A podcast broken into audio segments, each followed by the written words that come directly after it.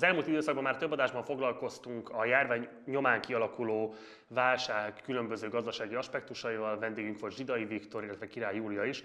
Most ebbe a sorba illeszkedik következő beszélgetésünk a szociológus közgazdász Sering Gáborral, akit Magyarországon mostanában leginkább a kötetéről lehet ismerni. Egy demokrácia halála, ez volt a címe annak a kötetének, amelyben a kudarcos rendszerváltást elemezte, és próbálta megfejteni azt, hogy mi vezetett el az autoriter állam kialakulásához 2010 után. Részben erről is fogunk beszélgetni, de leginkább arról, hogy hogyan ítéli meg a mostani válságra, milyen válaszokat adnak már most a különböző politikai pénzügyi elitek. Látszik-e bármifajta elmozdulás attól a katasztrofális válságkezeléstől, amit 2008 után kellett megtapasztalni a keserűen a különböző államoknak és különböző polgáraiknak.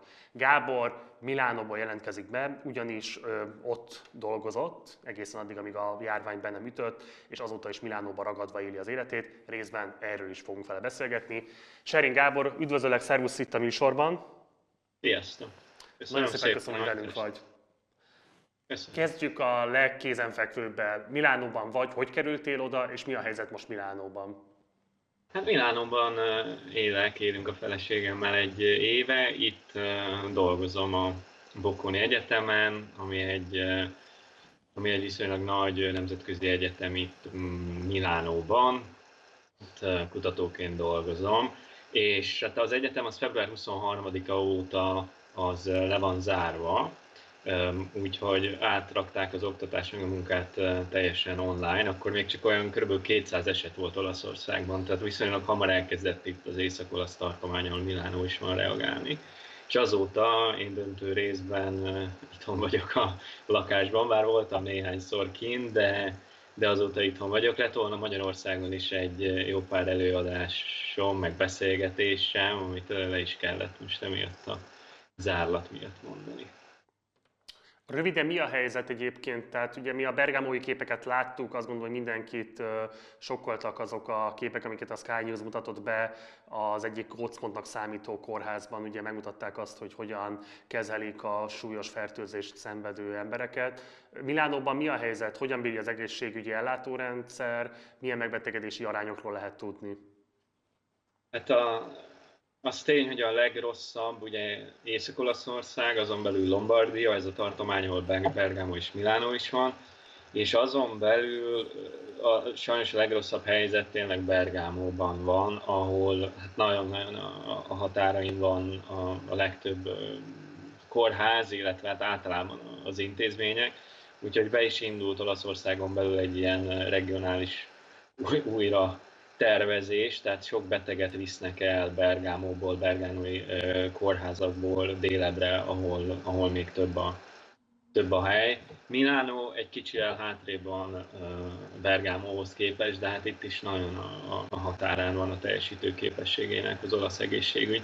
Ez itt rögtön hozzá is tenném, hogy, hogy ugye, mint általában a déli, dél-európai államok, Olaszországot is nagyon sújtotta, pont említetted a 2008-as válságot, a 2008-as válság után ugye a, most ezt lehet véleményezni, hogy mennyire gyorsan, jól, de ugye a bankrendszer az egy-két kivételtől eltekintve azt megmentették az államok, aminek viszont ára volt hosszú távon ennek és a sok gazdasági beavatkozásnak, államok eladósodtak még jobban, amiért cserébe sok megszorítást kellett bevezetni itt Olaszországban is, ami erősen érintette az egészségügyi rendszer, tehát le kellett építeni kórházi ágyakat, csökkenteni kellett a, az ágyak számát a kórházakban, úgyhogy ez, ez, ez részben most ez, ez nagyon erősen visszaüt itt Olaszországban, ez a neoliberális megszólító hullám, ami, ami megütötte az egészségügyet. Térjünk át akkor a gazdasági aspektusokra. Ugye az elmúlt tíz évben Európában és általában a világban is azt lehetett látni, hogy hatalmas jobboldali áttörés van, különböző jobboldali rezsimek kerültek hatalomra, és számos reményteli baloldali projektről derült ki, hogy nem tudnak megfelelő társadalmi támogatottságot maguk mögé állítani, vagy ha tudnak is, nem képesek ezt szavazatra konvertálni. Ehhez képest most, amikor ez a válság beütött, a szélsőjobboldali vagy moderált konzervatív kormányok mindegyike hirtelen hihetetlen mértékben váltott át baloldali politikák támogatására, egyre másra jelentik be a különböző megmentéseket, különböző csomagokat, gazdaságélénkítő csomagokat, és ezúttal 2008-tól eltérően nem csak a gazdasági szektor, nem csak a vállalati szektor részére, hanem kifejezetten a lakossági részre is lehet hallani részben bérgaranciát, részben direkt segítségnyújtást, és így tovább. Magyarország ebből a szempontból még kivételnek számít talán, hiszen még Romániában is már garantálja az állam, hogy legalább a 80%-át a fizetéseknek mindenképpen ki fogja fizetni. Elképzelhető, hogy Magyarországon is lesznek majd hasonló intézkedések, de például Boris Johnson is bejelentett most talán tegnap vagy tegnap előtt egy hasonló nagy mértékű csomagot, és nyilván további csomagok várhatóak még lehet-e azt mondani, hogy egy ilyen gazdasági válság során egész egyszerűen csődöt mondanak ezek a jobboldali gazdaságélénkítő lehetőségek vagy próbálkozások, és mindenki fölismeri azt, hogy az a status quo, az a doktrina, ami alapján az elmúlt tíz évben megpróbálkoztak ezek a kormányok berendezni a társadalmainkat, alkalmatlanok arra, hogy egy ilyen sok helyzetben garantálják a társadalom működését. Lehet mondani, ezt még akár ki is lehet élezni egy kicsit. Tehát egy ilyen válsághelyzetben leginkább a gazdasági elit lesz szocialista, és várja az állami segítséget, és aztán utána, amikor elmúlik a válsághelyzet, akkor utána hirtelen nincsen szükség az államra, és benyújtják a számlát, és jön a nincsen, nincsen ingyen ebéd típusú kórus. Most talán annyit változott a helyzet, hogy egyrészt ugye más ez a válság, tehát sokkal felkészületlenebbül érte az egészségügyi rendszereket Kelet-Ázsiához képest. Talán hamarabb kibontakozik ennek a hétköznapi emberek szintjén érzékelhető hatása, mint a, gazdasági válságnak, ami ugye azért elhúzódott több hónapon keresztül, mire legyűr, legyűrűzött a, a, a, a hétköznapok szintjére. Itt ez sokkal gyorsabban alakul ki, és hát talán egy pozitívumot is említsek, a, említsek a, azt látom, hogy talán uniós szinten van egy gyorsabb reakció ahhoz képest, ami volt a 2008-as válság idején, és hát azért az látszik, hogy akkor, amik létrejöttek intézmények, azok talán, vagy politikai gyakorlatok, azok, ha nem is tökéletesen, de remélhetőleg működni fognak. Tehát egyrészt ugye az, hogy van egy ilyen újabb ilyen likviditás cunami a központi bankok részén, ez, ez, ez alapvetően jó, de, de ahogy mondtad, ennél még fontosabb, hogy legyenek közvetlen költségvetési eszközök, amiket az államok bevetnek, közvetlenül pénz, amit az emberek ezért a reálgazdaságba pumpálnak bele, és itt az Európai Uniónak a, a stabilitási mechanizmusa, ez egy, ez egy eszköz lehet arra, hogy megsegítse a költségvetéseket, és, és, és legyen valamilyen fajta európai szolidaritás. Ugye itt Olaszországban ez egy nagyon nagy vita volt, hogy az elmúlt pár napban, hogy, hogy hát mennyire tud szolidáris lenni az Európai Unió. Az, az olasz államkötvényeknek a kamatai nagyon elkezdtek emelkedni itt a válság hatására, és, és legelőször az Európai Központi Bank vezetősége nem nagyon akart beavatkozni, vagy hát egy olyan kommunikáció indult el, hogy, hogy, hogy, hogy nem, nem volt egyértelmű, hogy kép, kész, kész lesz besegíteni ezeknek az államoknak a központi bank, hogy, hogy lenyomja a kamatokat, és ez elég nagy felláborodást generált itt Olaszországban, hogy hát ez, ez nem az európai szolidaritás, amire várnak, de most aztán ez, ez pár napra rá ez megfordult és szerintem ezen az úton kellene tovább menni Európai Uniós szinten is. Tehát egyre több kutató, társadalomtudós, de politikus is beszél európai kötvényekről, ami segíteni az államokat abban, hogy ilyenkor kiköltekezzenek és, és beavatkozzanak a gazdaságba. És hát szerintem hosszú távon is az abszolút a tanulság, hogy, hogy az egészségügy az csak akkor működik, ha, ha van benne pénz. És, és nem csak akkor kell hirtelen szeretni az állami egészségügyet, amikor van egy valami nagy válság, és hirtelen mindenki belátja, hogy, hogy, hogy megkerülhetetlen az egészségügyi rendszer, hanem, hanem ezt fenn kell tartani, mert ezt nem lehet egyik napra a másikra felépíteni, és nem az egészségügyből kell kivonni pénzt, és nem a, most ez demagókan hathat, de, de konkrétan ez az egyik fő kutatási témám, úgyhogy hagyd mondjam, hogy, hogy, hogy, hogy nem a gazdaság van az emberért, hanem a, azért van illetve nem az ember van a gazdaságért, hanem a gazdaság van az emberért, és az egészségben letölthető évek száma az, az az egyik legfontosabb minőségi mutatója kell, hogy legyen annak, hogy hogyan működik egy gazdaság. Tehát eleve úgy kellene berendezni a gazdaságainkat, hogy az, hogy az képes legyen a, a legtöbb egészségben eltöltött évet biztosítani mindenkinek. Ez, ez, ez egy ilyen hosszú távú tanulság, ezt nem láttam, hogy ez így, ez így, ez így leszürem lett volna így, így a politika szintjére, egyelőre mindenki egy ilyen káosz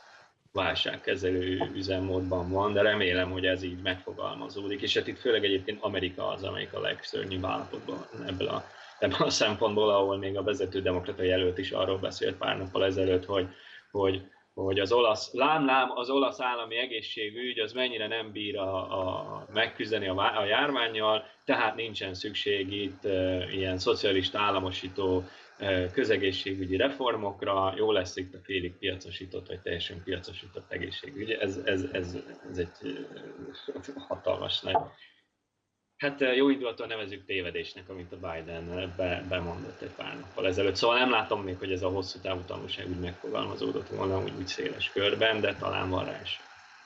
Talán van rá én is azt gondolom egyébként, hogy most sokkal nehezebb lesz amellett érvelnie majd sok piaci fundamentalistának, hogy az egészségügynek profitot kell termelni, mert most azt gondolom, hogy senki nem várja el az egészségügytől már, hogy profitot termeljen, azt szeretnék, hogyha egészséges embereket termelnének, és a betegséget tudnák korlátozni. Tehát ebből a szempontból azt gondolom, hogy ez egy komoly lecke lehet majd nekik, és nagyon nehéz lesz védeniük azokat a korábban is tartatatlan álláspontjaikat, amelyek mellé próbáltak társadalmi támogatottságot szerezni.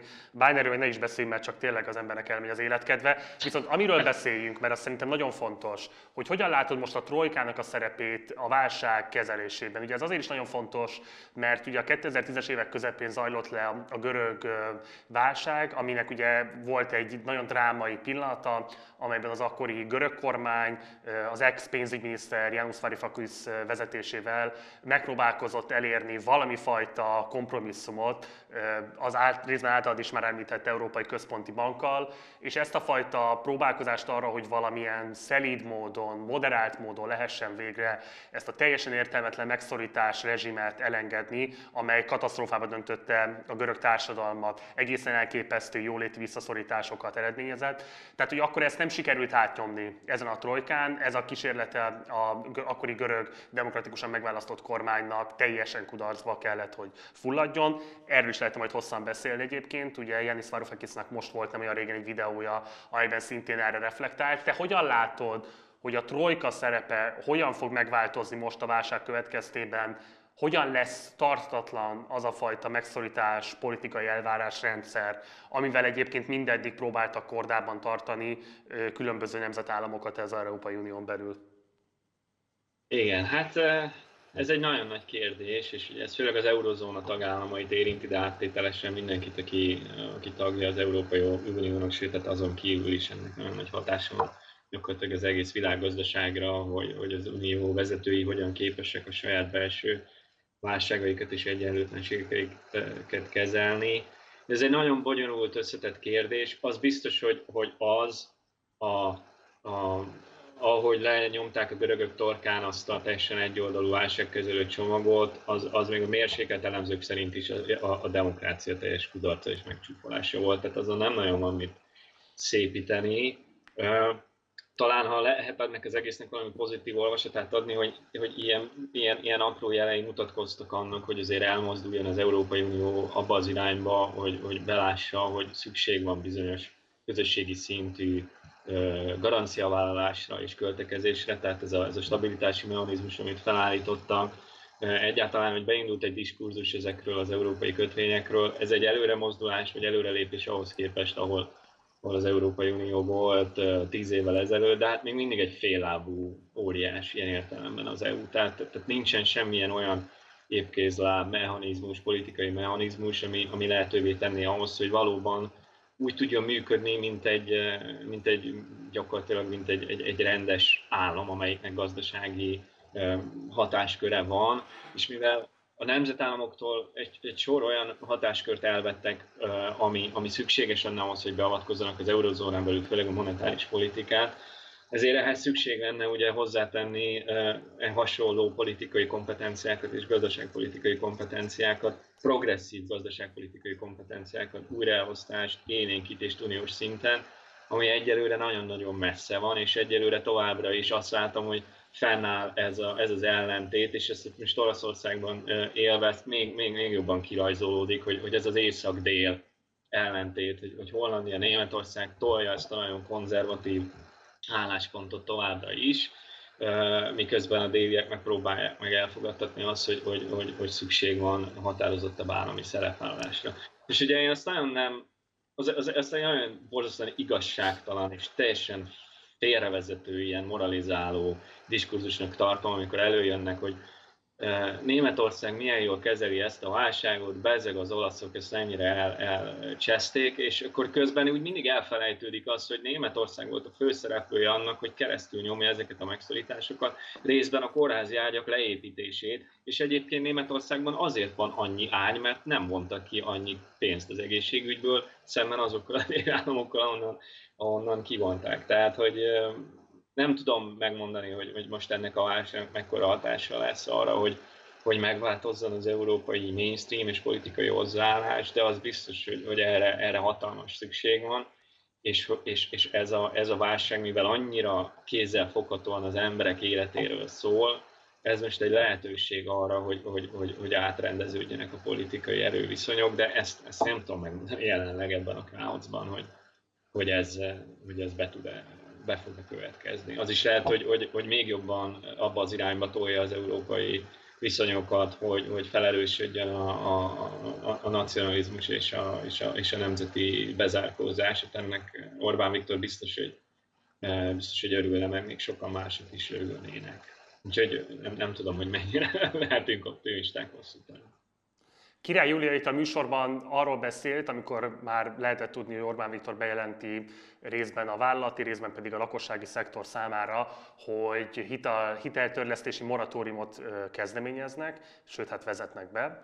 Ő arról beszélt ennek kapcsán, hogy ez beláthatatlan következményekkel járhat a magyar pénzügyi rendszer egészét illetően, és ez egy felelőtlen döntés és intézkedés a magyar kormányfő részéről, hiszen, ahogy ő fogalmazott, a közüzemi számlákat is be kell fizetni, ilyen értelemben a, a hiteltörlesztéseket is fizetni kell. Kérlek, hogy kommentáld az ő álláspontját, mit gondolsz erről?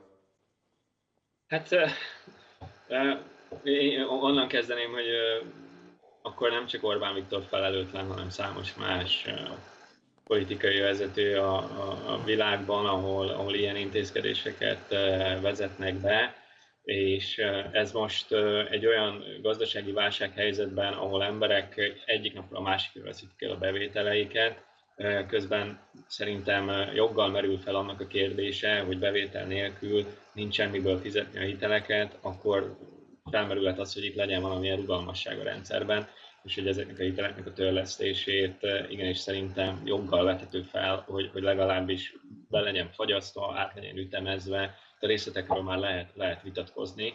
De én szerintem... Bocs, Király Júlia azt mondta egyébként, hogy ő is egyetért azzal, hogy kell valamilyen módon kezelni ezt, de ő a belga kormány javaslatát tartja ebből a szempontból iránymutatónak, nevezetesen, hogy valamilyen fajta állami garanciát kellene vállalni, és átvállalni ezeknek a hiteleknek a törlesztését tehát hogy az állam fizesse továbbra is, a, a, és hogy a bankok nyugodtak legyenek, és, és addig se kelljen az embereknek. Hát nézd, én szerintem most itt a részletekről már lehet beszélgetni és vitatkozni, és nem merültem el ennek a, ennek a, ennek a részleteiben. Most így első hallásra azt gondolom, hogy az önmagában nem egy ördögtől való elképzelés, hogy a, hogy a, hogy a nemzeti szolidaritás közösségbe minden szereplőt megpróbálunk bevonni, és itt a minden szereplőbe a bankok is beletartoznak, és hogyha egy banknak több erőforrása és pénze és bevétele van, már pedig a legtöbb bank azért elég jól kikecmergett a 2008-as válságból, akkor hogy be legyenek ők is vonva itt a válságkezelésbe olyan formában, hogy akár elesnek bizonyos ideig bevételektől, szerintem ez nem egy ördögtől való, ez nem egy ördögtől való fel. Zsidai Viktoros beszélgettünk itt a műsorban, és tőle azt kérdeztem, hogy Mit gondol, van arra esély, hogy most a 2008-as válság után időszaktól eltérően legyen valami sokkal szélesebb szolidaritás közösség az egyes nemzetállamok, illetve nemzetállamokon átívelő intézmények, fiskális vagy monetáris intézmények között? Te mit gondolsz, látsz arra esélyt, hogy ez valóban legyen egy esély arra, hogy mindaz, amit nem sikerült meglépni 2008-at követően, most esetleg levonva a tanulságot az akkori hibákból, bekövetkezzen? Hát ugye erről beszélgettünk az előbb, hogy, hogy hát én nem látom, hogy, hogy, hogy, hogy, hogy hatalmas áttörések lettek volna. Ugyanakkor azt is tudni kell, hogy az Európai Unió egy iszonyatosan lassan reagáló képződmény, és bizonyos ilyen apró előrelépések történtek 2008 után, amit így azért érdemes észrevenni, amit az előbb is említettem, stabilitási mechanizmus talán a legfontosabb. A diskurzív szinten megjelentek változások, ami, amit azért szintén fontosnak tartok. Az is biztos, hogy ez a neoliberális ideológiai hegemónia, ami fennállt 2008-as évekig, az, az, az, az megrodjan. Nincsen a helyére más, és közpolitikai vonalvezetőként továbbra is nagyjából ez van életben, de azért közel sem akkora erővel él ez, mint, mint volt. Tehát, hogy vannak jelei a változásnak különböző szinten, de intézményrendszer szintjén az Európai Unió egyelőre nagyon messze van attól, hogy ez, ez a nemzet, nemzetközi szolidaritás olyan szinten megjelenjen, hogy az Európai Unió az egy, az egy fenntartató és szolidáris gazdasági közösségként működjön. És ugye ennek iszonyat ára van, politikai ára. Tehát, hogy ez nem úgy van, hogy hogy, hogy vannak ilyen idióta, gonosz, demagóg politikusok, és akkor ők gondolnak egyet, és hirtelen úgy megvezetik az embereket, akik úgy, úgy, úgy becsap, becsapódnak olyan nagyon könnyen, és akkor ugye egyszer csak ugye semmiből vannak ilyen demagóg populista erők, így Európa szerte, és akkor, és akkor így veszélyben van hirtelen a liberális demokrácia. Szóval ez nem így működik. Ez így működik, hogy a liberális intézményrendszer egyszerűen csúfos kudarcot vallott a válságnak a kezelésében, és hogy valamit kellene kezdeni ezzel az intézményrendszerrel, főleg ami az Európai Unión belül van, és hogy ameddig nincsenek meg ezek a szolidaritási mechanizmusok, ameddig a dezindustrializáció veszteseinek nincsen valamilyen hatható segítség, ameddig a megszorítások az egyedüli megoldás arra, hogy valahogy a pénzügyi válságokkal szemben az Európai Unió fel tudjon lépni, és a többi, és a többi, addig bizony ez a fajta státuszkó politika, ami mellett azért fogalkörömmel ragaszkodik az európai elit a mai napig, ez bizony azt erősíti, hogy ezek a politikai erők, amiket szerintem nagyon kevesen szeretünk, ezek továbbra is erősödni fognak. Most a közpolitikai tanácsadó énedet fogom megszólítani. Ha ott ülnél, nem egy teremben, de mondjuk Skype-on keresztül egy olyan megbeszélésen, ahol ott ül Orbán Viktor, Varga Mihály, Matolcsi György, és azt mondják, hogy Sering úr, mondja meg, hogy mit tegyünk. Te mit javasolnál neki? Tehát szerinted mit kellene tennie a magyar kormánynak, a jegybanknak ahhoz, hogy enyhítse és kifejezetten a lakossági szektorra terhelődő következményeit a válságnak? Fú, hát ez így hirtelen, az biztos, hogy fel kellene készülni arra, hogy erre tudjak dolgokat mondani, de amennyire láttam, azért ugye egy-két dologban viszonylag hamar tudott most már reagálni a kormány, elmaradt a, a gyors reakció az első egy-két hétben, de száz esetnél járva azért így most már így kezdenek felébredni, most már túl is esnek a ló túloldalára ezzel a önkény felhatalmazás, rendeleti kormányzás törvényel, tehát az biztos, hogy nem javasolnám, hogy itt akkor megpróbáljanak egy ilyen rendeleti kormányzást állandósítani, főleg a határidő, a határidő megjelölése nélkül összesen indokatlannak tartom. Azt is indokatlannak tartom, hogy a katonaságot beküldjék a főváros utcáira, mondván, hogy ez megnyugtatja az embereket. Én nem tudom, hogy ez kit, hogy van-e, akit megnyugtat egy vírus pandémia esetén, hogy, hogy harckocsikat lát a, a, a város utcáin, szóval ezt, ezt nem teljesen értem.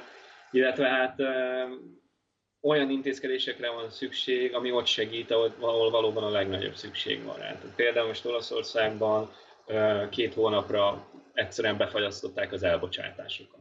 Amennyire láttam, de nem tudtam részletesen követni, Magyarországon éppen, hogy felfüggesztették a munkatörvénykönyvének az alkalmazását, és nagyobb rugalmasságot adtak a, a munkáltatónak, úgy mond, hogy a megegyezzen a munkavállalóval, mint hogyha ez két egyenlő félnek a megegyezése lenne nem akarok hülyeséget beszélni, nem követtem részletesen, de ez nekem úgy tűnik, mintha épp ellentéte lenne mondjuk, amit itt Olaszországban csinálnak, ahol nem teljesen, mert el lehetett térni bizonyos kitételek fennállása esetén, de két hónapon át itt most nem lehet senkit sem elbocsátani. Itt nem csak a hitelek törlesztését fagyasztották be, hanem szó van arról, hogy például akinek otthon kell maradnia, illetve akinek a gyereke hazajött, és ő neki dolgoznia kell, azoknak ilyen babysitter utalványt adnak, havi 600 eurót, akinek dolgoznia kell, azoknak a fizetését kiegészíti az állam, a, a rezsi befizetését is elhalasztják, ezt, illetve hát van rá lehetőség, hogy, hogy kezdeményezze ezt az ember, és erre, erre a kormány törvényjavaslatot dolgozott ki. Tehát számos olyan beavatkozást látok, ami ott segít, ahol, ahol nagyobb szükség van rá, de egyelőre még ugye akkor a káosz, hogy nagyon nehéz látni, hogy pontosan hol is fog ütni ez a válság. Hosszú távon az biztos, hogy a szolgáltató szektor kiszolgáltatott dolgozói, szürke gazdaság, azok, ahol egyáltalán eh, munka, munka jogviszony nélküli dolgozók tömegei vannak, betegbiztosítás nélkül, táppénz nélkül, eh, ezek, ezek lehetnek azok az esetek, akik a legnagyobb eh, beavatkozásra szorulnak, tehát én mindenképpen ezzel kezdeném, hogy ezt megnézni, hogy itt ne csinálni. És az, az pedig biztos, hogy most visszatérve arra, hogy mit ne, szóval alapban Magyarország, amennyire én láttam, úgy nagyjából kilógott úgy egész Európából, hogy, hogy, hogy egy jó ideig azzal volt elfoglalva, hogy a kormányzati kommunikáció hogy bebizonyítja, hogy, hogy a, hogy a bevándorlás és a koronavírus az egy és ugyanaz, és hogy itt megpróbálták teljesen gátlástalanul összekötni a, a migrációt és a, a, a, a, járvány, ezt, a, ezt a járványt, ami, ami szörnyen, szörnyen visszataszító. Pont akkor, amikor van egy olyan globális egészségügyi válsághelyzet, ami teljesen egyértelműen azt mutatja, hogy mindannyian egy hajóban vagyunk, hogy teljesen egymásra vagyunk utalva, hogy tanulni kéne egymástól, hogy az nem úgy van, hogy az európai lény, az európai ember az egy ilyen felsőbbrendű valami, ahova nem érnek el a válságok, ugyanúgy eljönnek ide is a, a, a válságok, és ugyanígy eljönnek ide a, a vírusok, és tanulni kellene egymástól, Európán belül is, de, de bizony tanulni kellene a távol-keleti országoktól is, hogy hogyan kezelik ezeket a helyzetet. Én is azt gondolom, hogy Magyarország az első között volt ebben, de aztán hamar fölzárkozott a szép példánkhoz, például Donald Trump, amikor kínai vírusról beszélt.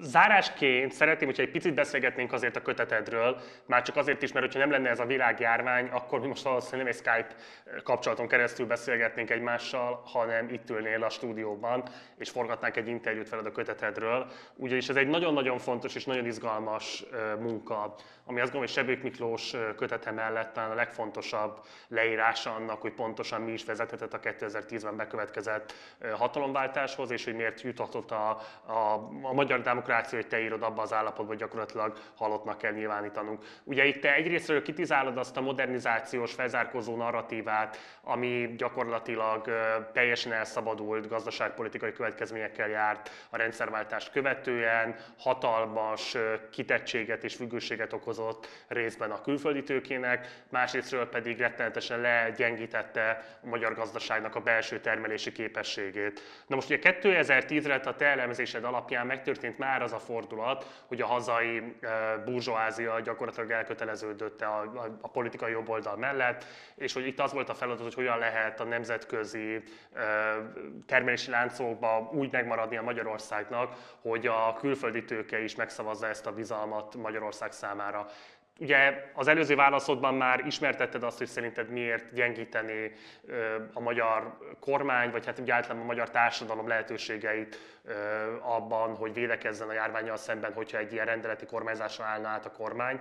Tehát, hogy hogyan veszítenénk el azt a lehetőséget, hogy korrekciós mechanizmusokat be tudjunk építeni, tudjunk gyakorolni a járványhelyzet megfékezésében.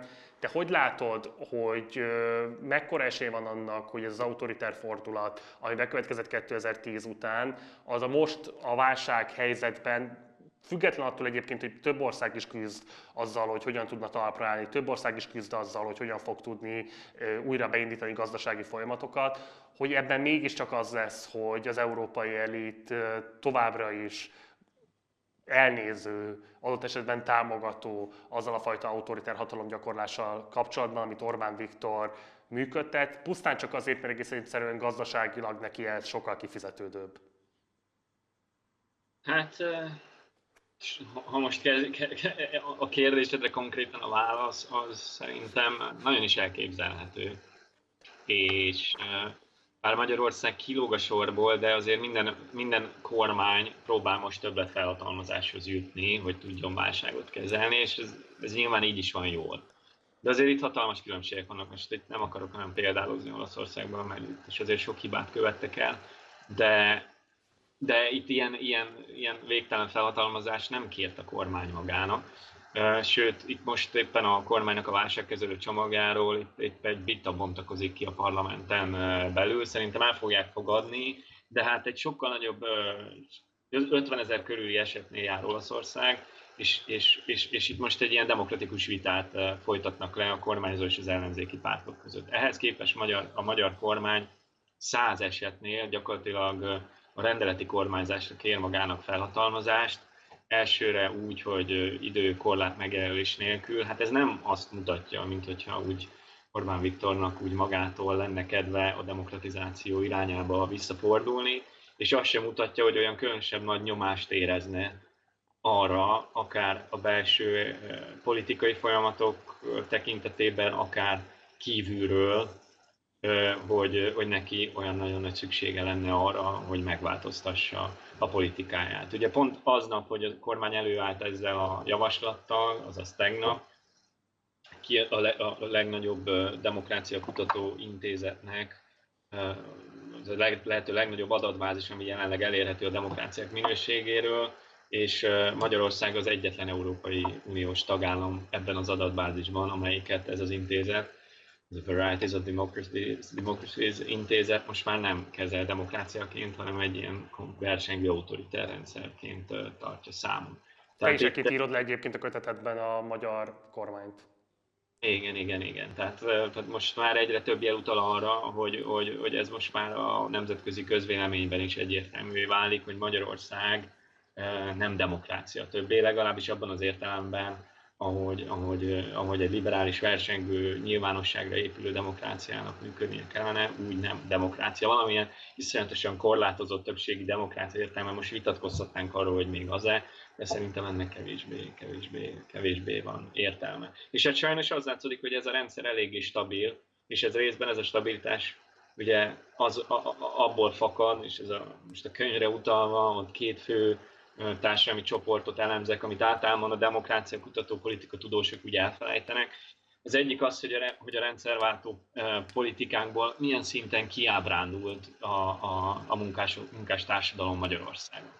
Hogy, hogy az, hogy a magyar társadalom kétharmada egy, egy zuhanásként élte meg a rendszerváltást követő 20 évet, és még azok is, akik egyébként mondjuk a hagyományos értelemben a nyertesek közé sorolódnak, én nem szeretem a középosztály fogalmát, mert szerintem teljes félrevezető sokkal több Magyarországon a kiszolgáltatott munkás, mint amely ahány a középosztály belének tartják magukat, de szóval még azok is, akiket mondjuk ez alapján középosztálynak tartanánk, az én interjúm alapján arról számoltak be, hogy, hogy nekik jobb volt az életük az előző rendszerben. Most ezt lehet így számok alapján ezt vitatni, de rengeteg embernek ugye ez a, ez a percepciója. Az a percepció, hogy megnőtt a kiszolgáltatottság, hát ezt tudjuk, ismerjük ezt a történetet, és ez nagyon egy, egyértelműen benne volt az embereknek a, a, a, a valóság észletében, és, és erre az elit, főleg a, a liberális és baloldali elit semmilyen válaszsal nem tudott élni, az a modernizációs politikai program, hogy felzárkózunk és csatlakozunk az Európai Unióhoz, és és lemásoljuk a, a, azokat az intézményeket és politikákat, amikről azt gondoljuk, hogy, hogy jól működnek. Ez, ez teljesen idegen volt attól, amit az emberek észleltek, és itt egy iszonyat feszültség keletkezett a társadalmon belül, és, és ez az egyik indok. De ez önmagában nem vezetett volna a demokrácia anyaglásához. Tehát, tehát nem ez a, bocsánat, ettől mindig ideges leszek, amikor olvasok Magyarországon ilyen megfejtőket arról beszélni, hogy jobbágymentalitás van, uh-huh. és hogy Magyarországon az Orbán rendszer az az, amit az emberek megérdemelnek. Szóval ennél visszataszítóbb elitbeszédet elég nehéz, na bocsánat, elképzelni. Az, Engedd ilyen... ki a haragot nyugodtan, partnere találtál benne. Ilyen fokon rántott egy, egy olyan társadalomra, amelyiknek a nagy részét kizsigerelte ez a, ez a rendszerváltó 10-20 év, bizonyos mutatók alapján javult a helyzet, de ez az emberek percepciója, és akkor azt mondani, hogy jobbágy mentalitás van egy olyan országban, ahol egyébként a legtöbb mutató szerint az emberek támogatták a demokráciát még 2009-2010-ben is. Szóval nem arra adtak az emberek megrendelést, hogy itt legyen lebontva a demokrácia. Csomó felmérés mutatja, hogy liberálisabbak és demokratikusabbak voltak a, a magyarok az összes kelet-európai, közép-kelet-európai országnál. Bizonyos mutatók alapján jobbak voltunk a, az átlag amerikai ember, főleg bizonyos társadalmi csoportokon belül, meg pláne. Szóval nem, nem arról van szó, hogy itt van, volt valamilyen történelmileg meghatározott ilyen antiliberális kereslet, hanem arról van szó, hogy volt hogy egy... ezért tettek sokan. Tessék? Hogy ezért tettek sokan. hogy arról volt szó, hogy egyszerűen olyan veszteségként élték meg az emberek a folyamatokat, hogy erre valamilyen választ kerestek, és ennek révén kiábrándultak a, a liberális baloldali pártokból. De ez önmagában nem, nem elég magyarázat, és a, a, szerintem amit a legtöbb elemző így, így amiről nem beszélt, az az, hogy, hogy micsoda ilyen feszültségek keletkeztek a gazdasági eliten belül. Ugye sokan, le, sokan leírták azt, hogy, hogy a nemzetközi és a helyi gazdasági vagy nemzeti tőke között volt feszültség, hogy Magyarországon gazdasági dualitás volt, de hogy ennek politikai következményei lennének, ez úgy nem nagyon volt benne így a közbeszédben. És a, a könyvben ez a másik ilyen érve, amit, amit kifejtek, hogy bizony ennek a gazdasági dualitásnak iszonyatosan súlyos politikai ára van. Szóval nem lehet hosszú távon azt csinálni, hogy kizárólag a, a, a nemzetközi tőkére építek egy gazdasági fejlődést, mert az oda fog vezetni, hogy elképesztő gazdasági nacionalizmus fog kialakulni a nemzeti burzsóázián belül, és teljesen örülni fognak, hogyha jönni fog egy illiberális vezető, aki azt mondja, hogy egy kicsit most meg, megrendszabályozza a nemzetközi tőkét, nem nagyon, egy kicsit, és ahol tud, helyet csinál a nemzeti nagyvállalkozóknak. Úgyhogy Orbán Viktor így tudott egy új hatalmi koalíciót létrehozni, amit, amit a nemzeti tőkés osztály jelentős része támogat. És ez olyan folyamatok eredménye, ami már jóval 2010 előtt beindult. Szóval a másik félreértés, hogy itt kizárólag Orbán Viktornak valami szűk haveri köre és családja nyer, lenne a nyertes, és ezen kívül minden vállalkozó vesztese ennek az új rendszernek, ez, ez megint egy teljes félreértés. Empirikus kutatások is vannak arról sajnos, hogy a gaz, legmagasabb jövedelműek körében nőtt a legjobban a diktatúrát támogatók aránya az elmúlt 5-6 évben. És hát ez nem nem független attól, hogy, hogy, hogy, hogy kiknek is kedve. Ez a felső középosztályból próbál egy új burzsiáziát csinálni, illetve a már meglévő nemzeti e, nagy tőkének próbál további engedményeket tenni Orbán Viktor, és e, segítséget e, olyan szinten, hogy, hogy ez jelentős újraelosztással járt a társadalom aljáról a társadalom tetejére. Itt most nem vezessen senki se félre az, hogy, hogy a nemzetközi helyzet miatt Magyarországon nőttek a bérek az elmúlt pár évben. Ez a bérnövekedés egyrészt korán sem akkora, mint amekkorát az átlagos KSH mutatók mutatnak. A medián bérek jóval alacsonyabbak, Másrészt ahhoz képest, hogy teljes reálbér elfolytás volt 2015-ig Magyarországon, ehhez képest ez most egy valamekkora korrekció, és még így is elmaradt Magyarország volna bérnövekedés ahhoz képest, mint amit a legtöbb ország 2010 óta megtett. Tehát, hogy nagyon súlyos társadalmi ára van annak, hogy Orbán Viktor a, a, a gazdasági elitet, a, a, a magyar gazdasági elitet, vagy hogy mondjam, a nemzeti tőkét megpróbálta emancipálni a nemzetközi tőke mellé, mert ez, ez rendkívül társadalmi feszültségekkel és szerintem a magyar autoritár rendszer e, részben ennek a, ennek a hatalmi fordulatnak a következménye, hogy, hogy itt a nemzeti tőkét Orbán Viktor beemelte a hatalmi koalícióba. Megmaradt ott ugyanúgy a nemzetközi tőke, főleg a termelő technológiai szektorban, tehát itt most mondjuk nyilván itt a német autóvállalatokra, de más hasonló termelő, technológiailag intenzív termelés végző cégekre kell gondolni. Tehát ezek ugyanúgy fontos pillérei a magyar gazdaságnak, de az a, az, az extenzív tőke beáramlás, ami 2010 előtt jellemezte Magyarországot, annak vége teljesen visszaesett a működőtőke szerepe, a működőtőke beáramlás szerepe a magyar gazdasági növekedésben, és részben ezt az Európai Uniós források váltják ki, részben pedig a,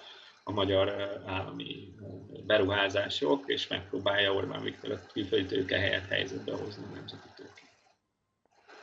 Gábor, az időnk végére értünk, de nagyon szépen köszönöm, hogy velünk volt, és köszönöm szépen, hogy ezt a kis összefoglalót is ideéreztetted a beszélgetés végére. Ettől még egyébként azt mondanám a nézőinknek, hogy ne ússzák meg azt, hogy elolvassák a kötetedet. Ha nem is tudják most beszerezni feltétlenül, de hogyha lement a járványi vészhelyzet, vagy veszélyhelyzet, akkor ezt majd mindenképpen szerezzék be és olvassák el. Téged pedig, hogyha elmúlt majd az önkéntesen vállalt karanténod, amiért minden, dicséret megér, minden dicséretet megérdemelsz, szóval hogyha ezen majd túlendültünk, akkor mindenképpen várunk ide a stúdióba egy további beszélgetésre, amelyben elmélyültebben is elemezhetjük mindazt, amiről a kötetetben írsz. Köszönöm szépen, hogy itt voltál velünk és hogy részt vettél ebben a beszélgetésben. Hát nagyon szépen köszönöm a lehetőséget, és minden jót nektek Minden jót, szervusz! Az előző közel fél órában Sherin Gábor, szociológus közgazdásszal beszélgettünk, részben a már bemutatott kötetéről, de részben arról is, hogy ő maga hogyan látja, hogyan fognak most majd az európai elitek reagálni a járvány következtében kirajzolódó nemzetközi gazdaság és pénzügyi válságra. Várható-e az, hogy lesz-e bármilyen elmozdulás ahhoz a válságkezelési, attól a válságkezelési stratégiától, ami 2008 után jellemezte az általános helyzetet. További beszélgetésekkel is készülünk még, ezekről folyamatosan fogunk majd információt adni a Facebook oldalunkon. Ha van bármilyen kérdésed, észrevételed, akkor azt mindenképpen tedd meg itt a komment szekcióban, használd a like és a dislike gombokat is, hogy adj nekünk visszajelzést arra vonatkozóan, hogy mennyire találtad érdekesnek az elhangzottakat, és mindenképpen iratkozz a csatornánkra ahhoz, hogy értesülj majd az újabb videókról. Facebookon pedig kövess minket, mert ott pedig szintén további információkat közlünk arról, hogy milyen tervekkel készülünk. Ha pedig van rá lehetőséged, és szereted a tartalmainkat, akkor kérlek, hogy néhány száz forinttal is akár, de szállj be a finanszírozásunkba a Patreon oldalunkon keresztül. Én Gulyás Márton voltam, a teljes táv nevében köszönöm szépen a figyelmet, hamarosan érkezünk további videókkal, vigyázzunk magunkra, mossunk kezet, lehetőség szerint maradjunk otthon, figyeljünk az időseinkre, kitartás, ciao.